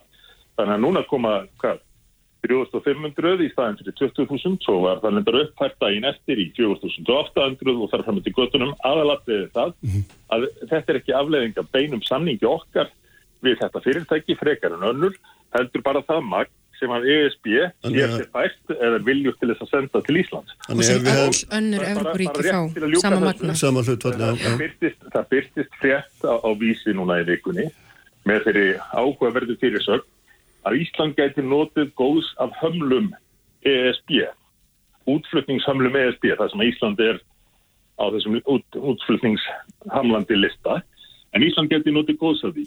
Og hver var ástæðan fyrir þessari fyrirsögn? Jú, það var vísað í embættismenn í heilbreyðissáðanöndinu, þá sömu embættismenn og, og okkur er núna sagt að síðan semjum það að útvöða bólefni fram hjá ESB, en að þeir hefðu útskipt það að ef að ESB lokaði á útflutning til annara, en lokaði ekki útflutning til Íslands, rátt fyrir það Íslands hjálistanum, þá gætu við kannski fengið auka skamt af því sem er gert upptækt. Sko, þetta er býstna langsótt tilraun til þess að verja þetta klúður Európa-samvæg. En var nú ekki, þessi var nú, þessi var nú öllu snúið tilbaka, við erum ekkit á þessum lista, það var allt saman ekki? Við kýttum á, á hérna heima sig Európa-samvæg, við erum á listanum, það að sög komi einhver svona típiskar uh, diplomatískar yflýsingar um það, já, sjálfsögur uh, skoðum við þetta nú og lítum fram í þessu, gott og vel, vonandi verður það raunin, en tilgangurinn var þá helst á að Það er búið að leiðrita þetta og þetta hefur allan tíman verið raunin að Ísland hefur setið nákvæmlega á saman stað og öll önnur Evrópuríki. Það er mjög aðtæksvægt hvað það er erfitt fyrir miðflokkin að staðan sé þráttur er allt bara býstna fína á Íslandi. Eins og ég nefndi hérna á þann ef þú horfir á Ísland ef þú horfir á Ísland í samanbörðu við heiminn nýja sjáland sem hefur verið dásami hér í bak og fyrir hvar eru þau stöld með bóluöfni og svo framvegis og svo framvegis? Staðan er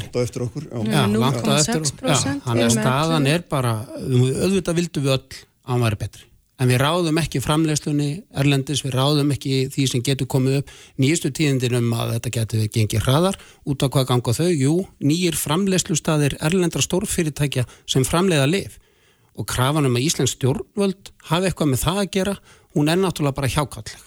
En Sigmundur, þú hefði sérst vilja svo ég skiljiði rétt núna til dæmis ef við tökum Janssen að við hefðum bara sendt sendinum til þeirra fyrir einhverju mánuðum og, hérna, og sami bara sjálfur og þú trúir því að við hefðum geta náð hérna þessum 200 og hvaða var þúsund skömmtum hérna upp á okkar einstæmi. Það er allt sem að mælir með því að við getað samið við Janssen eða, eða einhvern annan, það hefði hendað fyrirtækinu og það hefði meira segja hendað svo kallega alltjóða samfélagi að það tækist á einni viku að bólusetja heila bjóð. Mm -hmm. En í staðin... Þannig ef við komum og byggjum um 230, semundur, ef við komum og byggjum um 230 skamta og erum samt í kemur og byggjum um 230 miljónir, mm. Hvað heldur þú að gerist? Ég, ég spyrði þig bara. Nei, nei bara sjá, sjáðu Ísrael, sjáðu öll litnuríkin, öll smáríkin. En hvaða, það, eru, það, eru, það eru ekki mörg, er það? Jú, jú, jú. Það eru hinnar ímsu... Hvaða ríkir er það? Já, það eru ríki sem eru með liv sem að Evrópa hefur ekki samþygt. Það eru sína einn leið til, til að gera beina samninga. Mm. Og svo er einn starri eiga sem, sem er Breitland sem hefur gert þetta sama og gerði það í krafti þess að geta átekið ákvarðanir fyrir sig sjálf. Í krafti þess að geta framleitt lifin sjálf? Já. Bara hlutaði og það er ekki rétt að breytar séu að banna útflutning á á bólefnið. Þeir flytja út allt sem að fyrirtækinn þar hafa samið um að flytja út. Það er bara Evrópusambandið og hugsanlega Júbandaríkin sem eru með hömlur á, á útflutning sem að ganga gegn samningum sem hafa verið gerð við, við, við fyrirtækinn. Nú er tíminn... Réttar hérna- einfallega voru fljóðið til að semja Já. og gerðu það út frá sínum hagsmönum og ég skil ekki að við skulum enn núna eftir undanfærin áratug vera fast, fast allt og margir í þessari vantrú á möguleika Íslands á að nýta sjálfstæðið sitt og taka ákvarðinu sem að henda okkur í samstæðu við aðra. Tíminu hlaupin frá okkur, bara östut að svara því að við bara 20 Ég skulum bara spyrja leikslökum, ég held að þegar þessar áallanir ganga upp mm -hmm. og uh, við verðum hér bólusett og fín, þá muni bara sanna sig enn frekar hver fáránlegur málflutningur sem þetta Davíð, Davíð Gunnlaugssonar er. Já, minna við erum á pari og við verðum líka að vera hjartengt Ég myndi kannski frekar vilja fá frek, upplýsingar frá stjórnvöldur um það að meðan að hérna, við lefum grunnskólaböndum ekki að fyrir skóla og mm. við metum afbreyði nýja svo hættulegt hvort ég að standa við þetta litakóðunar dæmi á landafærunum fyrsta mæ. Ég sett spurningamarki við. Já, það gerður nú Kári Stjónsson íllega eða alvarlega hér líka í morgun. Hérna, takk okkur fyrir að koma báðan tömur, hérna Þorbjörg og Kolbjörn og takk Sigmundur Davíð. Spurningin bara hversu mörgundur miljardar mun að kosta samfélagið að býða eftir því að nýta Sigmundur, bestu þakki fyrir að vera með okkur og hérna takk ykkur báða fyrir að koma og hérna Ragnhildur Magnúsdóttir verður hérna hjá mér eftir augnablik. Takk. Fréttir þjóðmál og pólitík Sprengisandur á bylgjunni. Hvar sem er, hvenær sem er Bylgjan Bylgjan. Sprengisandur, alla sunnudaga á bylgjunni Sennir aftur hlustandur þegar fannin frá mér Kolbjörn Óttarsson Proppi og Þorbjörg Sigri Gunnarsdóttir og svo þetta Sigmundur Davíð sem var heiti símanum eftir hans í fjöllega umræðum það hvort við höfum farið rétt að leiðið að ranga í öflun í því aflokkur bóluefnis og þar munum alveg ljóst að það er heiminn að hafa á milli. Þess hvað menn telja að hafa verið rétt í því gert. Nú ég ætla að hérna fara í alltaf átt núna því að Ragnhildur Magnúsdóttir er sett hérna hjá mér. Uh, ég er búin að kynna þessum stjórnaforman tækni þróunarsjóðs sem þú varst einu sinni en ert ekki lengur, nú ertu stjórnarformaður í tækni og vísinda ráði Já, en réttar sagt er ég formaður tækni nefndar Já, já, sem er víst og tækni ráði Já, allt í fína. Heyrði, hérna, allavega svona eh, eina okkar svona, eina, eina af einstu koppum í búri í þessar svona þessum, eh, þessum, þessum pælingum öllum um fjóraða innbyltinguna og hvað hvað út úr henni kemur og hvað svona þarf að varast og, og hvað leiðir er best að fara. Og þú varst náttúrulega í þessum hópi sem skrifaði mikla skýslu fyrir líklega hvað 2017 er það ekki sem hún kom út eða 18 með það ekki? Jú, átjón held ég að Já, vera já, einmitt um, um fjóruðin byltingun og stöðu Íslands og framvegs og það sem að þú varst að skrifa grein í kjarnan sem ég varst áhugaverðið er svona hérna, fyrirsögnin náðu mér allavega það var það hva, hvort, að- hvað verður um störf Mhm. í fjóruðin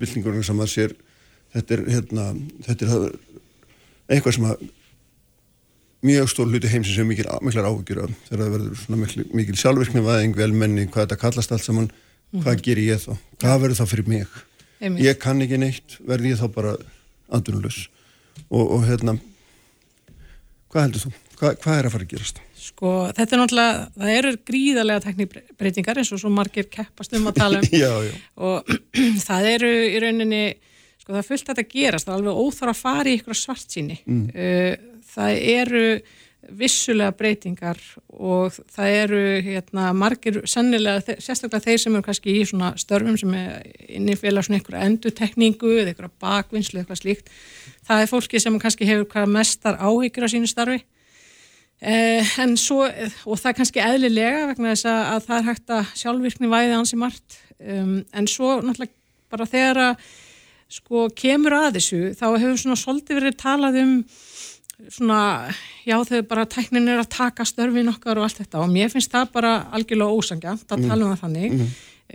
World Economic Forum hefur til dæmis talað um það þannig að það verða til fleiri svör, svör nei, fyrir ekki störf heldur en hérna heldur en uh, tapast. Þannig að og þeir tala um 58 miljón starfa sem verður til vegna þess teknibreitinga og það er náttúrulega uh, þýðir þá það að, að já, það verður til alls konar ný störf. Og við vitum ekkert ennþá hvaða störf þetta eru.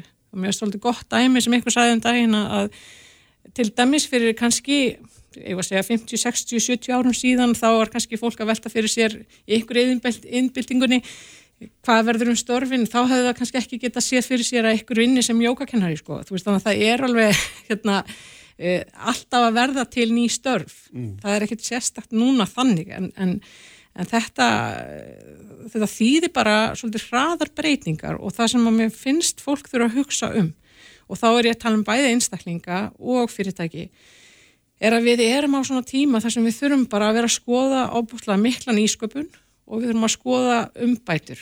Veist, hvernig komum við einhvern veginn ferlónum okkar í lag, hvernig lögum við e, bara hlutina innan fyrirtækjana og, og, hérna, og, og gerum hlutina skilvirkari og hérna, mingum sóun. Það er opbáslega mingil sóun allstaðar og þetta er ekki, ekkert sérstakt íslenskt vandamál. Þetta er líka bara út um allan heim. Mm, mm. Og, hérna, og mér finnst allavega við meg að gera bara heilmikið í því að benda fólki á að fara í endumöntun, þú veist, sinna sinni endumöntun og símöntun og hún má vera á ímsan máta. Það snýst ekki um bara einhverja eina leið. Sko. Nei, en sko það sem er náttúrulega öðruvísi við það sem það varst að lýsa áður fyrir þessum einhverjum áratugum er að, er að, er að hraðanir miklu meiri mm. og við sjáum þetta gerast núna áður fyrir að fylgist fólk með þessu yfir lengra skeið, Já. kannski á sinni starfsæfi eruðu mikla breytingar en við náttúrulega bara sjáum þetta nánast frá árið til árs Akkurat. mánuðu til mánuða þannig séð og, og hérna, en svo er líka mjög áhugavert það sem þú veist að nefna, sko, við þurfum að fara í endurmendun, erum við að erum við að er það líkillin eða, eða þurfum við bara að læra að nota þurfum við að hafa búið verið einhverju þekkingu til að nota tólinn, er það megin þátturinn? Mm, sko, tækni er náttúrulega stór þáttur í þessu og ég held að ef við horfum bara tæknina per sé, þú veist, hvernig við erum að menta fólki tækni, að þá eru við að útskrifa um 16% síðast ég vissi, 16% uh, úr STEM greinunum sem er Science, Technology uh, Engineering og Math þessar tækningreinum mm. Uh, á meðan til dæmis Finnland er að útskrifa 30% og við, þetta er ekki nóg. Við þurfum að útskrifa fleiri úr teknigreinunum og þetta má líka vera teknigreina sem kom út úr tekniskóla og svo framvegs. Um, aftur á móti að þá eru hérna, erum við að tala um alla þessa mannlegu ein, eiginleika líka sem við verðum að fara að styrkja. Hlutir eins og námis og siðfræði ég held að skipti rosalega miklu máli því að það munum koma mjög marga siðfræðilega spurningar mm -hmm. í öllu þessu öllu þessum breytingum. Uh, það eru þarna líka oft mikið talað um til dæmis tilfinningagreind og það að hugsa vel um fólk og, og stjórnunin breytist það sem mjög mikið, mikið meiri áherslu á leiðtóahæfni heldur en áður. Uh, það sem að fólk er mannlegra heldur en áður. Um, ég, mun, ég vil svo sérstaklega ekki áherslu á að listir og allt sem Eh, þessar skapandi greinir að gefa okkur við þurfum að setja miklu meira power í það heldur við nokk tíma gert það er einmitt fólki sem kann þetta skapandi starf sem við munum vera svo mikið í mm. og það er ekki að hafa ástæði lausu að, að við sjáum að, að stjórnveldur að leggja mikla áherslu á nýsköpun. Við, þú veist það eru þjóður heims er að keppast um það að búa til nýja ratvinnugreinar, búa til ný fyrirtæki og svo framvegis. Og nýsköpun er svo sannarlega líkilatrið í þessu. Mm. Hvernig, hvernig verður þessu hátt að, að því nú erum við í þessu, þessu COVID-krísu og, og svo margir að velta yfir sig hvernig verður samfélagi þegar þetta þegar það fer allt aftur í, allt fellir í ljúa löðs en það gerist nú vonandi mjög flotlega eða svona. Að hérna það hafa störf gerbrist segir fólk, hérna margir segja það er, geta allir inn í heima frá sér eða margir geta það og, og þess að og, og þá erum við að horfa líka á það að fyrirtæki þau eru ekkert lengur svæðisbundin í neinum skilningi. Þau geta hatt starfsfólki sitt hvar sem er. Mm -hmm. uh, og allur rytmin í daglegu lífi þessi tækni hún, hún gæti farið góða leið með að breyta þessu líka, er það ekki? Jú, algjörlega. Og það sem er vissulega gerast er að e, þessar vestræni þjóður eru svolítið að keppast um fólk, reyna að draga til sín talent og, hérna, og það er sundum talað um þú veist eins og í í gamla daga var talað um allt fólk er að flytja suður sko. Já. núna erum við alveg að díla við svona vandamáli eins og það að fólk vilji flytja frá landinu og, og hérna fá eitthvað tækifæri í teknifyrirtækinu meðlandis en eða bara einhverju nýsköpnum fyrirtækinu hver, hverju sem er, en það er allavega þannig að, að, að það hefur að draga fólk í allar áttir COVID hefur svo komið og svolítið skekt þessa mynd. Og ég held að við höfum hér á landi aldrei verið eins og miklu tækifæri og að draga fólk hingað heim. Okkur gengur vel með þessa hérna, hvernig við dílum við bara þennan sjúkdóm eða þessa blessuðu veiru. já, já. en eh, við eigum líka, þú veist, við erum þekkt fyrir að vera hérna partur á Norðurlundum og með þetta sósjál umhverfi sem er svo gott og, og það er það, þú veist, við ættum að geta dreyið til okkar talentinga heim og það er byrjað að gerast, það er byrjað að gerast að fólk eh, eh, setjast þetta að, vinni algjörlega hérðan þó að í raun og veru sé fyrirtækið er eitthvað annar staðar og hvað er gott við þetta? Mm -hmm. Jú, þú veist, okkur ættum við vilja þetta, þú veist, það að fá hennan talentin í landið, það, það smitar út frá sér, þegar við fáum inn fólk með mikla hæfileika hvort sem það er í vísindum eða tækni eða hverju, hverju sem er að það er rauninni smittar inn í samfélagið okkar uh, þekkingu sem við, við viljum að sjálfsögðu halda hér inni. Og þetta er bara, ég finnst við vera bara mjög miklu tækifæri núna bara svolítið auðlis okkur sem bara hérna eiguna sem er nánast COVID-frí, ég veit ekki hvort maður þóra að segja þetta en, en, en þú veist, við höfum alltaf tekið vel á málum og sínt að við kunnum á það. En þú veist að tala um það ólíkt því sem áður hefur verið þar sem að svona náttúrulega að fólk að myndi landa á grundvelli þess að vinna hjá einhverjum sem var þar mm -hmm. nú ertu bara um að tala, tala um að laða fólki til landsins og svo getur það sinn störfum fyrir hvert sem er, hvar sem er í rauninu já, já. það er það sem að Akkurat, og svo er náttúrulega það sem gerist náttúrulega, mm. við höfum séð það með þá einstaklingar sem hafa flutt hérna heim á síðustu árum sem eru með eitthvað sérstaklingu að þau blanda sérna okkar samfélagi, fara í rauninni að tala til þessu okkar sprota umhverfi og koma með hugmyndir inn í það, fara að kenna kursa í háskólunum og svo framvegis, þannig að það er alveg sko eh, oft er þetta fólk að gefa okkur svo svakalega mikið af sinni Mhm. þekkingu sem er svo að skila sér Mhm. um, og ég held að það sé rosalega flott sko. Já, en, en tölum að þessum líka um þá sem eru hinum einn á, á kvarðanum, þá sem eru í þessum hérna svona rútínu störfum Já. sem eru náttúrulega langmestri hættu eins og þú lístir sjálf hérna áðan. Já, akkurat. Ná, Mér- Fólk sem er þar og horfir framann í þetta og bara taka, tökum sem vest, dæmi vestlun. Það, er, er fækkar stöðugt fólki sem vinnur við Mhm. hinn hefðbundnu vestlunastörfum sem við þekktum þau. Og, og hérna finnur Oddsson var hérna um daginn fórstur og hagan segja að það eru miklu fleiri konir bara bakvið, þeir eru bara forrita. Þeir eru að leita, afla upplýsingar, sapna þeim, gera eitthvað annað. Einmitt. En það eru þá mentafólk, meðan að hinnir sem voru þarna, þeir eru, Já, störfin þeir eru farin.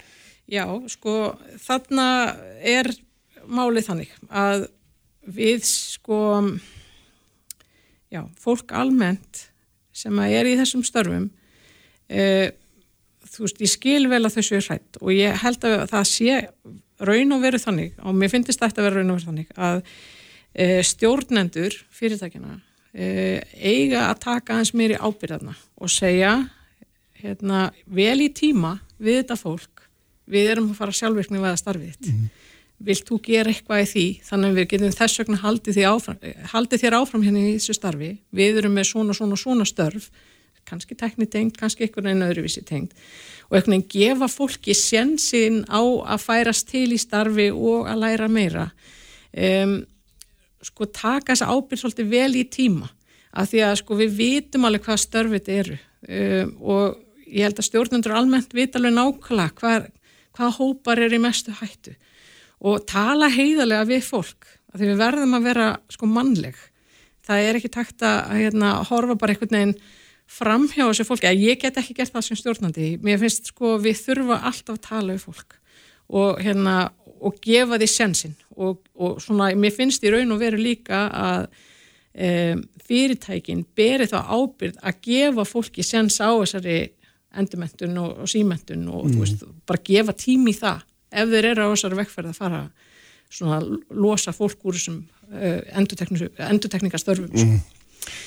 Þannig að ég, já, það, það er til dætt, en það fyrir þetta fólk, þá myndi ég fyrst og fremst segja að, sko, þetta snýst ekki svo mikið um hvað þú ætlar að fara að læra. Þetta snýst aðalega um, sko, ef þú, ert, þú telur þig verið hættu við að veri, lendi ykkur endurtekningastarfi og sé, bara látið fa fara eftir ykkur ár, að sko, horfðu þá inn á við fyrst og fremst og hugsaði bara ok, hvað langar því að gera því að þetta er svo, sko það er aldrei verið eins mörg tækifæri í allar áttir að læra nýja hluti sko.